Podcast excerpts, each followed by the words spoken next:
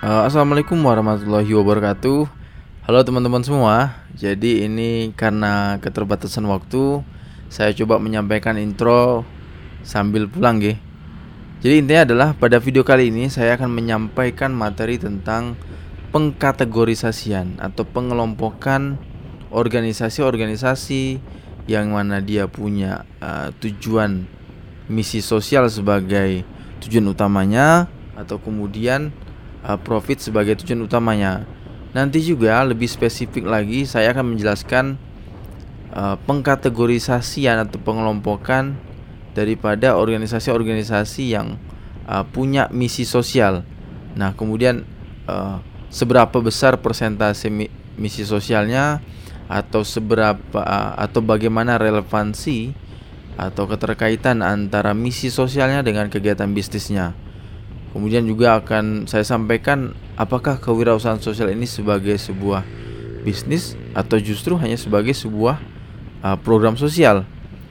Nah, untuk lebih lengkapnya jangan lupa tetap tonton video ini sampai selesai, oke? Okay? Tapi sebelum kita mulai videonya, jangan lupa untuk subscribe, kemudian juga tekan uh, lonceng notifikasi sehingga teman-teman sekalian bisa tahu video-video berikutnya serta share video ini ke orang-orang uh, yang teman-teman rasa sedang mengambil mata kuliah kewirausahaan sosial. Baik, uh, seperti itu dulu untuk intro kali ini. Stay safe, jaga kesehatan, dan juga jaga jarak pakai masker. Mari kita mulai video berikut ini.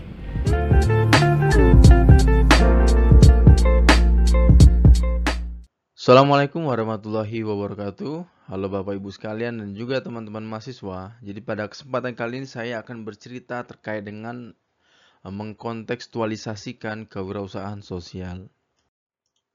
Baik, uh, teman-teman uh, mahasiswa sekalian, untuk mengawali video kali ini, maka saya akan menyampaikan berkaitan dengan pengelompokan organisasi. Nah, organisasi seperti apa? Yaitu uh, karena kebetulan uh, tema dari kelas kita adalah berbicara soal kewirausahaan dan juga kewirausahaan sosial.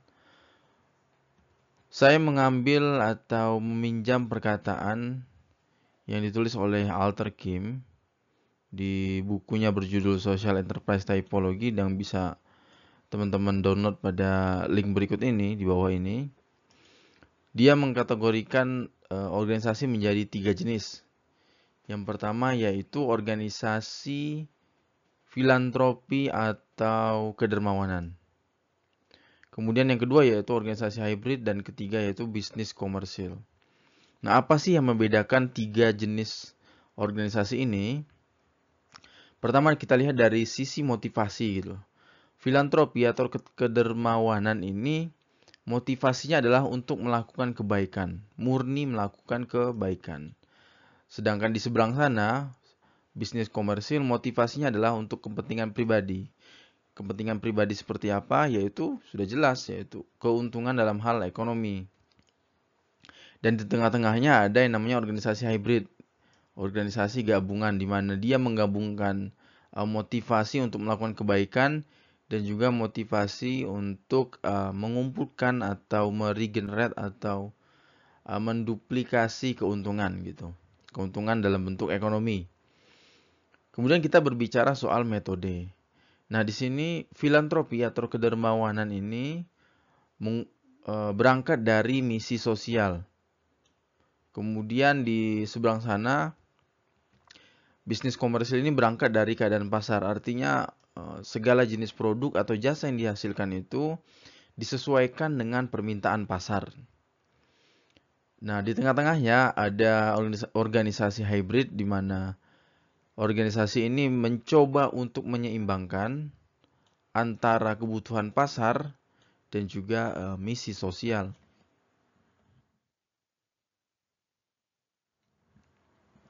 Nah, berikutnya yaitu berbicara soal tujuan. Pertama kita mulai dari organisasi filantropi atau kedermawanan dia berangkat uh, tujuannya adalah untuk memenuhi nilai-nilai sosial.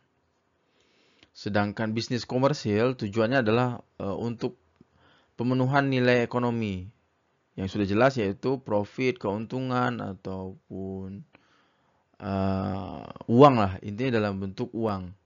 Sedangkan organisasi hybrid berada di tengah-tengahnya yaitu dia mencoba untuk menyeimbangkan antara tujuan sosial dan juga tujuan ekonomi. Berikutnya berbicara soal penggunaan keuntungan dalam hal ini bagaimana keuntungan atau profit tersebut digunakan. Nah, kalau organisasi filantropi atau kedermawanan ini keuntungan tersebut digunakan murni untuk uh, recovery atau kemudian murni untuk mengembalikan biaya yang digunakan uh, dalam program-program sosial atau biaya-biaya yang digunakan uh, untuk biaya-biaya uh, yang digunakan selama upaya atau selama usaha-usaha untuk melaksanakan kegiatan sosial atau biaya-biaya yang dikeluarkan untuk uh, memenuhi tujuan sosial tadi, misi sosial dan juga nilai sosial. Nah, sedangkan di seberang sana, bisnis komersil, seluruh keuntungan ataupun seluruh profit tadi langsung didistribusikan kepada uh, pemilik ataupun kepada pemegang saham. Dan di tengah-tengahnya ada uh, organisasi hybrid di mana dia mencoba untuk uh, mengkombinasikan hal ini. Organisasi hybrid me menggunakan keuntungannya pertama bisa digunakan untuk uh, operasional bisnis, kembali digunakan untuk operasional bisnis direinvestasikan atau kemudian digunakan untuk misi sosial. Nah, berbicara soal mana porsi terbesar atau mana porsi yang paling dominan, itu disesuaikan uh, dengan kebutuhan dari organisasi tersebut. Nah, itu untuk slide pertama berbicara soal pengelompokan organisasi. Oke, nah ini slide berikutnya lebih masih berbicara yang sama soal pembagian atau soal pengelompokan keorganisasian. Akan tetapi pada slide ini kita bisa melihat lebih detail pembagian antara organisasi uh, filantropi kedermawanan yang ada di sebelah sini dengan uh, dengan organisasi bisnis komersil yang pure murni untuk uh, kegiatan-kegiatan ekonomi, penciptaan profit gitu. Nah, kita mulai dari awal dulu saya jelaskan. Sustainable equilibrium ini adalah titik keseimbangan. Titik keseimbangan sebuah organisasi untuk dapat yang namanya uh, melakukan kegiatan operasional dalam jangka waktu yang sangat panjang, uh, dalam jangka waktu yang tidak menentu. Nah, kemudian di sini garis merah ini adalah teman-teman bisa melihat ada yang namanya uh, dia semakin dia condong ke kiri, semakin besar orientasi organisasi tersebut untuk kegiatan sosial. Di seberangnya sini semakin dia uh, condong ke kanan atau atau ke arah kanan artinya semakin besar orientasi organisasi tersebut untuk kegiatan-kegiatan uh, ekonomi dalam hal ini penciptaan keuntungan. Nah, kita mulai di sini dulu. Di sini terdapat uh, 6 kotak di mana tiga kotaknya berada di sebelah kiri, kemudian tiga kotak lagi berada di sebelah kanan. Kotak kiri ini adalah kotak kiri ini berbicara soal semua jenis organisasi yang punya tujuan untuk penciptaan nilai-nilai sosial. Dalam hal ini yaitu uh, untuk kegiatan-kegiatan yang punya tujuan utamanya yaitu misi sosial. Sedangkan di kotak sebelah kanan sini adalah segala jenis organisasi yang dia didirikan, diciptakan atau dibentuk dengan tujuan utamanya adalah untuk penciptaan nilai-nilai ekonomi, yaitu melipat gandakan uang, melipat gandakan keuntungan, ah, Sederhananya adalah profit begitu. Nah, di sini kita lihat ada uh, dua kotak yaitu sosial sebentar saya hapus yaitu sosial enterprise dan juga social responsible business. Dua kotak ini atau dua jenis organisasi ini dianggap sebagai uh, organisasi yang paling ideal untuk uh, beroperasi dalam jangka waktu yang sangat panjang ataupun dalam jangka waktu yang sangat lama. Nah, sedangkan uh, dua organisasi di sebelah di sebelahnya dalam hal ini misalkan tradisional non-profit dan juga non-profit income generating activities da, di suatu waktu mereka akan mengalami yang namanya uh, kendala keuangan, kendala pendanaan. Sedangkan di seberang sini dua organisasi yaitu uh, organisasi dengan kategori corporate practicing social responsibility di mana uh, perusahaan atau bisnis yang melaksanakan kegiatan-kegiatan uh, tanggung jawab sosial dan juga perusahaan yang murni untuk uh, bisnis tidak melakukan kegiatan sosial sama sekali, dalam jangka waktu panjang akan menghadapi permasalahan permasalahan sosial. Salah satu bentuk nyata atau salah satu contoh sederhananya yaitu penolakan masyarakat terhadap perusahaan atau bisnis tersebut. Nah, oke, okay, kemudian kita lanjut ke bawahnya ini. Pada kotak hijau, sebentar, pada kotak hijau di bawah sini, teman-teman mahasiswa sekalian bisa melihat uh, bahwa semua kategori organisasi yang berada pada kotak hijau itu punya yang namanya misi, uh, motivasinya adalah uh, misi sosial. Kemudian uh, disebutkan juga di sini bahwa keuntungan atau profit itu diinvestasikan kembali dalam bentuk program-program sosial atau operasional bisnis. Sedangkan di seberang sini, teman-teman mahasiswa sekalian bisa melihat bahwa motivasi utama organisasi yang berwarna biru adalah motivasi untuk penciptaan keuntungan. Kemudian juga uh, disebutkan bahwa profit atau keuntungan tersebut dibagikan atau didistribusikan kepada uh, shareholder dalam hal ini bisa jadi pemilik, pemilik tunggal ataupun pemegang saham. Nah, kita kembali ke atas tadi pada tabel ini, pada tabel uh, yang biru sini Meskipun disebutkan bahwa organisasi tersebut termasuk dalam kategori social responsible business, bisnis yang menjalankan uh, tanggung jawab sosialnya, akan tetapi tetap uh, prioritas utama dari kegiatan bisnis ter, kegiatan organisasi tersebut adalah untuk penciptaan uh, profit atau keuntungan.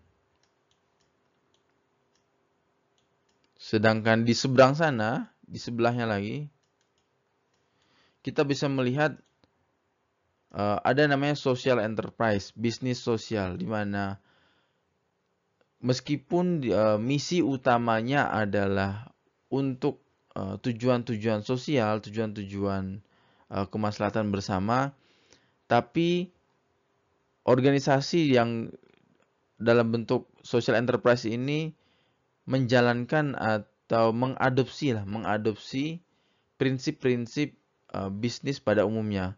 Jadi dia tetap uh, mencoba mencari keuntungan, mencoba untuk melipat gandakan aset, akan tetapi tetap ada prioritas utamanya yaitu untuk uh, misi atau tujuan sosial. Nah, pertanyaan selanjutnya yaitu bagaimana masing-masing uh, organisasi di dalam enam 6 kotak ini, 6 kotak di sini uh, memastikan keberlanjutan operasional mereka. Untuk kotak yang warna hijau, cara mereka memastikan keberlanjutan uh, operasional organisasi dalam jangka waktu yang panjang yaitu dengan cara mengadopsi metode-metode uh, bisnis pada umumnya, bisnis uh, yang bertujuan untuk profit. Yang diguna yang yang mana digunakan untuk mensupport atau mendukung program-program sosial. Sedangkan di seberang sana sebaliknya bagaimana cara uh, organisasi dalam kategori, kategori biru ini untuk memastikan keberlanjutan mereka dalam jangka waktu yang sangat panjang uh, yang lama yaitu dengan cara mereka uh, doing well by doing good menjadi baik dengan cara melakukan hal-hal uh, baik jadi tidak semata-mata mereka uh, memenuhi atau ya memenuhi hasrat pribadi untuk mengeruk keuntungan sebanyak-banyaknya. Tapi yaitu dengan cara mereka terlibat dalam kegiatan sosial, dalam misi-misi sosial, itu sudah dianggap sebagai salah satu bentuk perilaku baik, sehingga harapannya adalah bisnis mereka tidak tidak mendapat penolakan, tidak mendapat uh, blok atau tidak mendapat yang namanya kontra dari masyarakat atau konsumen-konsumen mereka sehingga bisnis mereka bisa dijalankan dalam jangka waktu yang panjang dan juga bisa menghasilkan keuntungan secara terus-menerus. Oke, nah, kemudian pada slide pada slide ini kita akan lebih spesifik uh, berdiskusi tentang bagaimana pembagian atau pengelompokan organisasi khususnya hybrid organisasi. Nah, untuk teman-teman sekalian nanti kalau uh, lupa apa itu hybrid organisasi bisa lihat slide pertama tadi ya. Nah, di sini uh, asas atau basis yang digunakan adalah orientasi atau misi orientasi misinya ke arah mana gitu. Kita mulai pertama yaitu dari uh, organisasi yang memiliki uh, atau berfokus pada strict kemisi. Nah, di sini organisasi biasanya mereka melakukan bisnis itu bertujuan untuk merecovery atau mengembalikan atau mengembalikan modal yang digunakan untuk kegiatan-kegiatan sosial. Jadi intinya adalah supaya bagaimana agar supaya bagaimana agar uh, kegiatan-kegiatan uh, sosial mereka lakukan tersebut biaya-biayanya yang ditimbulkan dari kegiatan sosial tersebut dapat kembali lagi kepada mereka untuk kemudian dilakukan lagi kegiatan-kegiatan sosial mungkin bisa jadi di tempat lain atau di waktu-waktu berikutnya. Itu untuk uh, mission centric. Jadi fokus utamanya adalah misi-misi atau strict kepada misi. Nah, itu tadi lingkaran yang pertama. Kemudian kita masuk ke lingkaran yang kedua. Pada lingkaran yang kedua ini kita melihat ada beberapa panah. Yang pertama yaitu Mission Related Social Enterprise.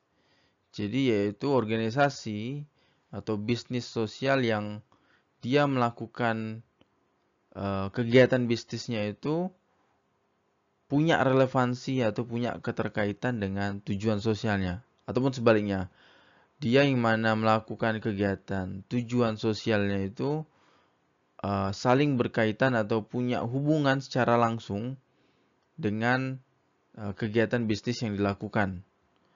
Kemudian di sini juga kita melihat ada organisasi social responsible business. Nah, apa itu social responsible business? Teman-teman bisa kembali ke slide sebelumnya, slide kedua yaitu social respon responsible business ini berada pada uh, hampir menuju ke titik equilibrium, titik keseimbangan di mana dia melaksanakan bisnisnya akan tetapi diimbangi atau dibarengi dengan kegiatan-kegiatan uh, sosial. Yang mana nanti kegiatan sosialnya itu berhubungan dengan uh, bisnisnya ataupun sebaliknya.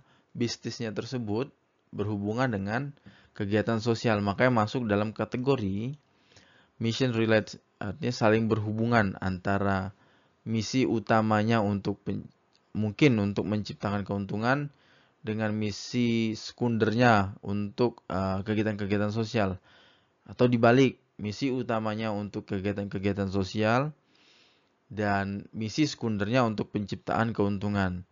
Yang mana saat antara penciptaan keuntungan dengan kegiatan sosial tersebut, dengan misi sosial tersebut, uh, punya relevansi, saling berkaitan.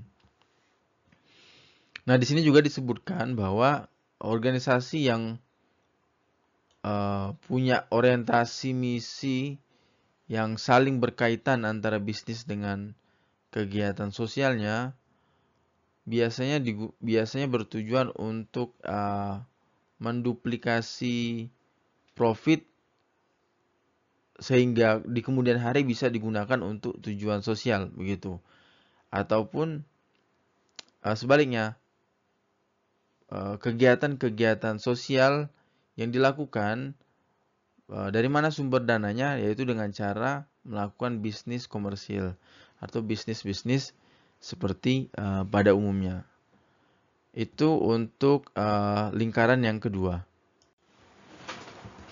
Oke, okay, nah kemudian kita masuk ke lingkaran yang ketiga. Di sini ada dua panah. Yang pertama yaitu organisasi yang melaksanakan kegiatan tanggung jawab sosial perusahaan atau corporate social responsibility dan juga uh, bisnis sosial yang uh, yang mana antara bisnis atau kegiatan bisnis utamanya yang yang bertujuan untuk menciptakan keuntungan itu tidak ada hubungan sama sekali dengan uh, tujuan atau misi sosial tidak saling bersinggungan.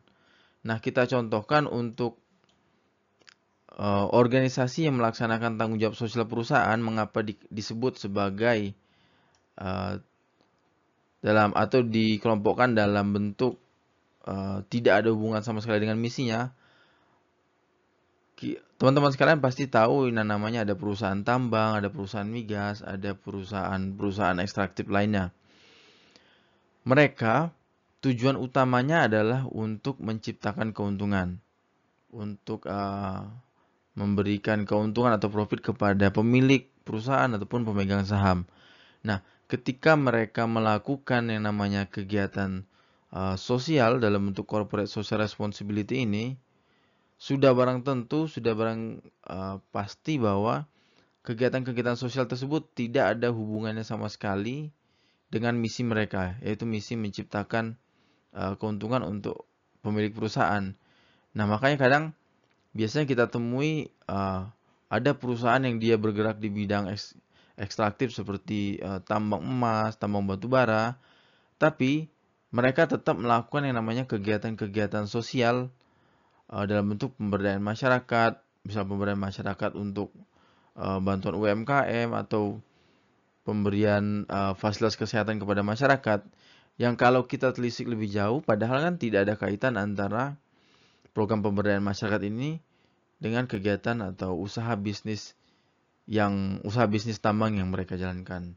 Nah, itu makanya pada lingkaran ketiga ini organisasi-organisasi yang berada di lingkaran ketiga ini termasuk dalam organisasi uh, unrelated to mission, organisasi yang tidak punya keterkaitan sama sekali dengan misi utamanya. Baik teman-teman, untuk uh, slide berikutnya ini kita lihat ada semacam uh, sumbu X, sumbu sumbu X dan juga sumbu Y. Nah, sem semua perusahaan yang berada di atas sini, yang berada di atas sini, termasuk dalam uh, organisasi yang punya uh, misi sosial atau tujuan sosialnya menjadi poin paling penting atau poin utama sosial. Sedangkan untuk uh, yang di bawah ini kita bisa melihat ada ada yang namanya uh, profit motif yaitu profit keuntungan atau ekonomi. Ekonomi. Nah, biasanya nanti kita lihat di garis persing persinggungan di sini. Dan pada intinya ada seperti ini. Semua perusahaan yang yang dia semakin ke atas posisinya dia semakin besar uh, tujuan atau misi sosialnya.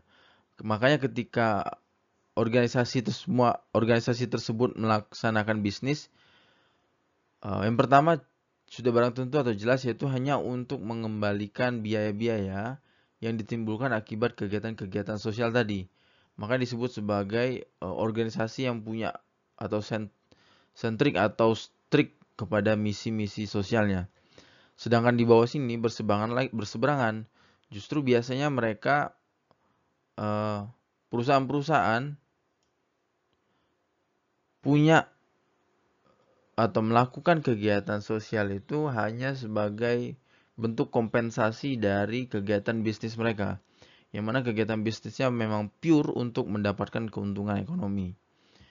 Nah, di tengah-tengah sini ada yang namanya titik keseimbangan atau titik equilibrium tadi di mana misalkan misalnya salah salah satu atau sebuah organisasi melaksanakan bisnis karena dia uh, untuk mendapatkan atau bisnis tersebut menjadi salah satu sumber pendapatan sehingga sehingga mereka memiliki modal atau memiliki biaya yang digunakan untuk kegiatan-kegiatan sosial atau di sebelah sininya ada perusahaan yang sudah mapan yang sudah uh, mungkin sudah stabil untuk kondisi uh, perekonomiannya sudah bisa menciptakan keuntungan yang baik. Nah, dia kemudian melakukan yang namanya program-program sosial tersebut hanya sebagai bentuk uh, wujud bahwa dia ingin menjadi sebuah organisasi yang punya tanggung jawab sosial yang tidak hanya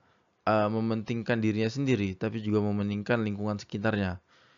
Uh, begitu. Nah, itu untuk berbicara soal misi sosial versus atau versus keuntungan. Oke, nah ini lebih jauh lagi kita berbicara soal pengelompokan kewirausahaan sosial. Yang pertama itu ada dari uh, Zahra. Dia mengelompokkan kewirausahaan sosial menjadi tiga jenis.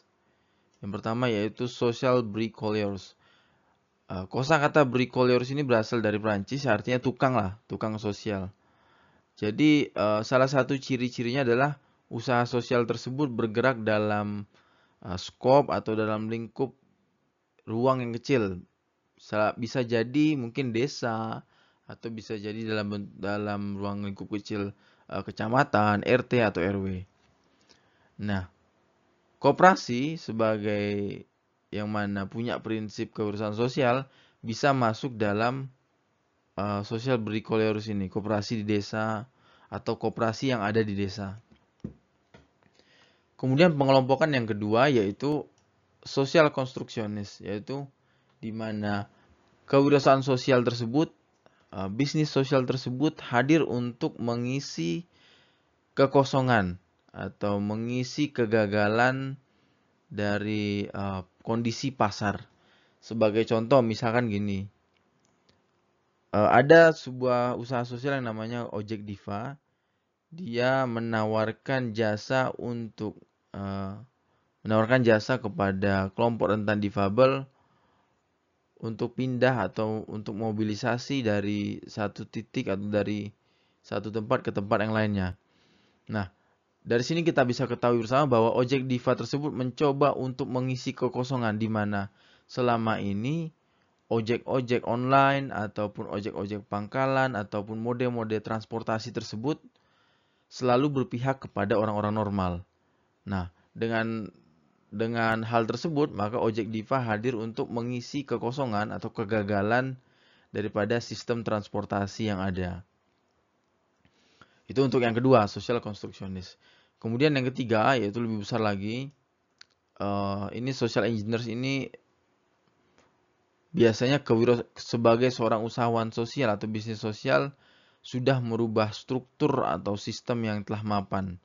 Nah, ini salah satu contohnya adalah teman-teman bisa mengingat pada presentasi saya yang sebelumnya yang kedua yaitu soal sebuah organisasi yang bernama Asoka di mana dia mencoba untuk uh, melakukan inkubasi atau mementori atau membantu penciptaan atau pendirian perusahaan-perusahaan sosial yang lebih masif lagi gitu.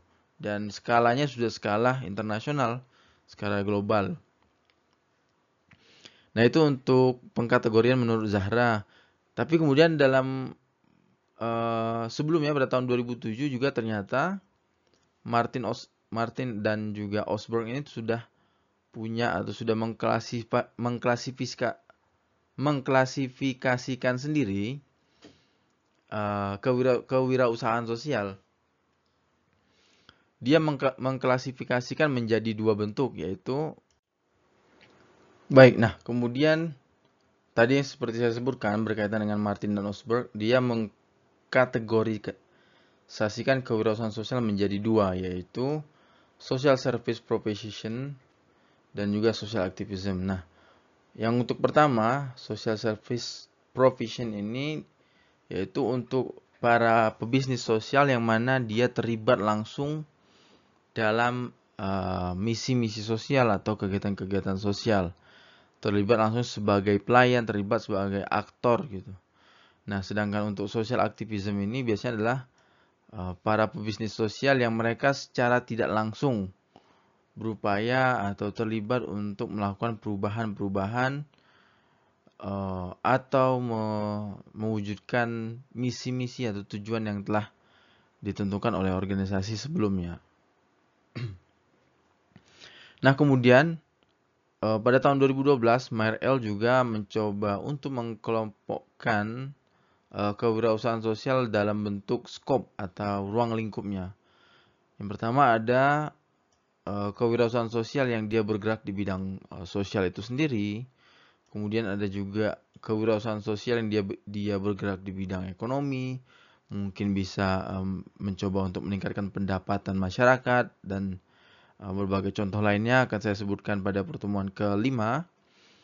Kemudian ada juga kewirausahaan sosial yang dia mencoba untuk memperbaiki uh, sumber daya manusia sehingga uh, individu atau masyarakat tersebut yang menjadi penerima manfaat dari kewirausahaan sosial lebih berdaya, lebih punya kuasa atas dirinya sendiri seperti itu. Kemudian ada juga yang namanya kewirausahaan sosial uh, yang bertujuan untuk uh, atau ruang lingkupnya ruang lingkup politik. Jadilah untuk meningkatkan bargaining position atau untuk ya tadi memperbaiki kondisi-kondisi individu gitu. Nah, itu untuk slide kali ini. Kemudian kita lanjut ke slide berikutnya. Oke, nah pada slide kali ini sebagai ini adalah sebagai pengantar untuk nanti di slide berikutnya saya akan menjelaskan tentang uh, bagaimana uh, sebuah bisnis sosial tersebut berorganisasi atau sebuah kewira kewirausahaan sosial tersebut beroperasi. Apakah dalam bentuk bisnis tersendiri ataukah dalam bentuk program begitu. Nah, pertama kita mulai dari uh, organisasi yang punya atau kental akan misi-misi sosial. Biasanya mereka uh, menggunakan yang namanya pendanaan pribadi atau uh, mengandalkan keuntungan-keuntungan dari kegiatan bisnis yang mereka lakukan dan juga dibantu dengan donor atau donasi dari pihak-pihak ketiga. Pada umumnya mereka mempekerjakan atau memberdayakan kelompok-kelompok rentan yang ada di masyarakat. Kemudian, eh, nah ini yang paling kental adalah yang paling ketara, yaitu eh, organisasi ini biasanya antara program sosial dengan organisasi bisnisnya menjadi satu. Nah, kemudian yang kedua yaitu organisasi yang punya uh, misi, misi yang berhubungan dengan tujuan dari organisasi tersebut. Disebutkan bahwa pertama yaitu creating social value, artinya menciptakan nilai sosial dan juga uh, menciptakan uh, profit atau keuntungan ekonomi untuk kemudian sebagai bentuk subsidi kepada eh, kegiatan-kegiatan atau program sosial. Nah, di sini kita bisa melihat biasanya dalam bentuk integrasi di mana uh, bisnis itu berjalan sendiri, kemudian bersinggungan dengan sebuah program sosial yang menjadi uh, anak dari bisnis tersebut gitu atau organisasi tersebut. Selanjutnya yang ketiga yaitu unrelated to mission yang mana bisnisnya dijalankan se seperti uh, bisnis komersil pada umumnya uh, akan akan tetapi tetap melaksanakan uh, program sosial atau kegiatan-kegiatan sosial meskipun terkadang kegiatan sosial tersebut tidak berhubungan sama sekali dengan core bisnis core bisnis dari perusahaan. Nah, maka di sini disebutkan uh, penciptaan ke, penciptaan keuntungan atau pendapatan dari organisasi tersebut ditujukan untuk uh, biaya operasional ataupun uh, kegiatan sosial program, program-program sosial. Nah, ini dijelaskan ada eksternal, artinya kadang uh, ada bisnis organisasi tersebut bisnisnya terpisah dengan uh, program sosial. Nah, itu untuk slide kali ini. Nah, ini uh, slide ini akan bercerita lebih detail apakah sebuah kewirausahaan sosial tersebut dianggap sebagai bisnis atau hanya program semata. Pertama tadi uh, untuk organisasi-organisasi yang punya mission centric yang mana tujuan utamanya adalah memang untuk uh, kegiatan sosial biasanya dia menggabungkan antara uh, bisnis dan program-program sosial. Nah, di sini dijelaskan pertama, aktivitas bisnis dan uh, sosial tergabung menjadi satu kegiatan. Kemudian misi sosial adalah tujuan utama dari bisnis. Jadi sudah jelas bahwa ketika mereka melakukan bisnis, tujuannya adalah untuk misi-misi sosial tadi. Kemudian penerima manfaat atau customer atau pekerja mayoritas merupakan kelompok rentan. Selanjutnya, di gambar berikutnya di sini, teman-teman juga bisa melihat ini untuk uh, organisasi kewirausahaan sosial yang masuk dalam kategori uh, related mission, yang mana antara bisnis yang dijalankan punya keterkaitan dengan program sosial yang dijalankan oleh mereka. Kita baca di slide ada pertama yaitu aktivitas bisnis dan sosial itu bersinggungan. Kemudian juga ada sinergitas antara bisnis dan sosial dalam bentuk penggunaan aset dan juga pembagian beban biaya. Berikutnya yang terakhir yaitu penerima manfaat adalah kelompok rentan dan masyarakat biasa itu sebagai konsumer dengan skema subsidi. Artinya keuntungan yang didapatkan dari uh, hasil imbal atau timbal balik penjualan produk dan jasa yang dijual kepada masyarakat biasa, sebagian sebagian keuntungannya digunakan untuk subsidi bagi masyarakat-masyarakat kelompok rentan. Jadi ibarat kata itu kita menjual uh, apel gitu, menjual sebuah apel. Uh, akan tetapi buah apel tersebut ketika kita jual kepada masyarakat biasa seharga 5000 sedangkan apel tersebut kita jual kepada kelompok rentan dengan harga hanya 2500 atau setengahnya. Nah, di sini ada hukum atau semacam skema di mana mereka yang punya lebih, punya uh, dalam hal ini kesejahteraan lebih, mensubsidi eh, masyarakat-masyarakat uh, kelompok rentan. Nah, ini kemudian yang terakhir yaitu untuk organisasi kewirausahaan sosial atau hybrid organization yang mana uh, antara kegiatan bisnisnya itu tidak punya kaitan sama sekali dengan program sosial. Jadi kadang tidak ada relasi ataupun tidak ada hubungan antara uh, core bisnis dengan program-program sosial yang dilaksanakan. nah, kita lihat di slide ada pertama yaitu membuat entitas bisnis terpisah. sudah jelas terpisah dan keuntungan digunakan untuk mendukung kegiatan sosial. Makanya di sini dalam bentuk uh, uang gitulah dolar. Artinya adalah segala sesuatu yang dihasilkan dari kegiatan bisnis ini keuntungannya keuntungannya digunakan untuk pelaksanaan program sosial. Selanjutnya penggunaan barang dan jasa dikenakan biaya normal hasil keuntungan ditujukan untuk masyarakat kelompok rentan.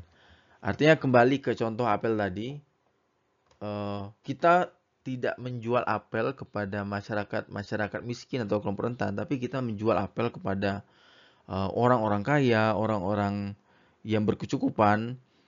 Kita menjual apel berkualitas dengan harga bahkan sampai 10.000 per bijinya begitu. Nah, akan tetapi keuntungan dari penjualan apel apel tersebut kita gunakan untuk melaksanakan kegiatan atau program sosial. Misalnya dalam bentuk uh, memberikan uh, pelatihan kepada masyarakat kelompok rentan ataupun memberikan subsidi pangan ataupun memberikan beasiswa kepada anak-anak yatim piatu. Nah, di sini bisa terlihat jelas bahwa memang uh, bisnis punya caranya sendiri dalam konteks ini ya, dalam konteks uh, kategori mission unrelated mission tadi, bisnis dia berjalan sendiri, berjalan sebagaimana mestinya, akan tetapi keuntungan tersebut sebagian keuntungan atau keseluruhannya uh, sebagiannya sebagian keuntungan direalokasikan atau diinvestasikan ke dalam kegiatan-kegiatan uh, program sosial begitu. Nah, pada slide kali ini ini adalah slide terakhir. Kita berbicara soal bagaimana struktur organisasi dari uh, sebuah kewirausahaan sosial. nah, tadi seperti dijelaskan. Yang pertama bisa jadi uh, antara bisnis dan kegiatan sosialnya menjadi satu. Kemudian yang kedua yaitu antara bisnis dan program sosialnya uh, atau kegiatan kewirausahaan sosialnya berbeda, tapi masih dalam satu atau masih saling berkait, berkaitan antara satu dengan yang lainnya. Atau yang ketiga justru antara bisnis dan kegiatan sosialnya berbeda sama sekali atau tidak bersinggungan sama sekali. Nah, untuk yang organisasi struktur pertama ini kita bisa ambil contoh tadi untuk uh, semua kegiatan kewirausahaan sosial yang mana biasanya penerima manfaatnya adalah mereka yang konsumer-konsumernya atau justru kebaliknya para pekerjanya tersebut sekaligus sebagai penerima manfaat gitu. Jadi biasanya bisnis-bisnis sosial yang mana mereka memperkerjakan kelompok rentan misalnya memperkerjakan difabel atau memperkerjakan uh, ibu rumah tangga yang tidak punya akses terhadap pekerjaan begitu. Nah, kemudian untuk yang contoh kedua yaitu untuk uh, organisasi yang yang mana kewirausahaan sosialnya masih bersinggungan dengan bisnis induknya. Biasanya dalam bentuk uh, penggunaan aset ataupun pembiayaannya masih sama. Sebagai contoh tadi ada yang uh, soal apel itu yang mana uh, kewirausahaan sosial organisasinya tetap menjual apel kepada masyarakat kelompok rentan tetapi untuk mendukung keberlanjutannya dalam jangka waktu yang panjang, mereka juga menjual kepada uh, menjual apel kepada masyarakat biasa yang mampu membeli dengan harga yang lebih tinggi daripada kelompok rentan tadi. Atau uh, struktur organisasi yang ketiga yang mana dia terpisah antara organisasi bisnis, jadi organisasi bisnisnya berjalan secara komersil seperti biasa pada umumnya dengan cara memaksimalkan keuntungan sebanyak-banyaknya dan kemudian keuntungannya tersebut digunakan untuk uh, kegiatan atau biaya operasional dari uh, misi sosial atau program-program sosial yang sudah ditentukan oleh mereka. Baik, uh, tidak terasa kawan-kawan sekalian, sudah hampir 1 jam 42 menit saya menjelaskan berkaitan dengan bagaimana pengelompokan uh, kegiatan atau organisasi-organisasi yang bergerak di kewirausahaan dan juga kewirausahaan sosial. Sebelum saya menutup presentasi kali ini, jadi saya simpulkan terlebih dahulu bahwa secara garis besar, secara umum uh, terdapat tiga pembagian atau tiga pengelompokan organisasi. Yang pertama yaitu organisasi yang dia pure untuk kegiatan sosial, kemudian ada organisasi yang pure untuk uh, menciptakan keuntungan, dan juga ada organisasi yang berdiri di antara keduanya tadi. Nah, biasanya yang menjadi problem adalah organisasi-organisasi yang pure melaksanakan kegiatan sosial gini tanpa melaksanakan uh, kegiatan operasional bisnis, mereka itu bergantung dengan yang namanya uh, pendonor. Pendonor ini bisa dari pihak-pihak ketiga. Nah, problemnya adalah ketika pendonor tersebut uh, menyetop atau menghentikan bantuan, maka besar kemungkinan organisasi-organisasi filantropi ini atau organisasi-organisasi kedermawanan ini kolaps atau berhenti sehingga keberlanjutannya dipertanyakan juga. Nah, kemudian di waktu yang bersamaan di seberang sana organisasi-organisasi yang punya tujuan utama untuk penciptaan keuntungan tidak bisa ataupun sulit untuk beroperasi dalam jangka waktu panjang apabila mereka tidak dapat uh, penerimaan dari masyarakat. Karena penerimaan bisa dalam berbagai bentuk ya. Pertama bisa jadi uh, masyarakat membiarkan atau memberikan kesempatan kepada organisasi tersebut untuk melaksanakan kegiatan bisnis atau kemudian uh, masyarakat mau membeli produk-produk dan jasa yang dikeluarkan oleh mereka sehingga organisasi tersebut tetap bisa menciptakan keuntungan gitu. Nah, mengapa kegiatan sosial perlu dilakukan oleh organisasi-organisasi ini? Karena mereka uh, perlu merebranding atau memberikan citra baik, citra positif kepada masyarakat bahwa uh, perusahaan ini tidak semata-mata berorientasi kepada keuntungan. Perusahaan juga tetap uh, melaksanakan kegiatan-kegiatan sosial. Meskipun mungkin dalam praktiknya nanti kegiatan sosial tidak bersinggungan dengan uh, bisnis perusahaan, tapi setidaknya uh, organisasi tersebut sudah memberikan impact baik ataupun dampak yang baik kepada masyarakat luas, tidak terbatas hanya kepada uh, pemilik perusahaan ataupun pemegang saham. Nah, baik teman-teman sekalian, mungkin cukup sekian dulu untuk video kali ini. Saya harap penjelasan saya tadi uh, mudah dimengerti ataupun ada apabila ada pertanyaan atau hal-hal yang masih dibingungkan, silakan nanti bertanya di grup ataupun chat personal. Lebih dan kurang saya mohon maaf. Uh, wabillahi taufiq wal hidayah. Wassalamualaikum warahmatullahi wabarakatuh.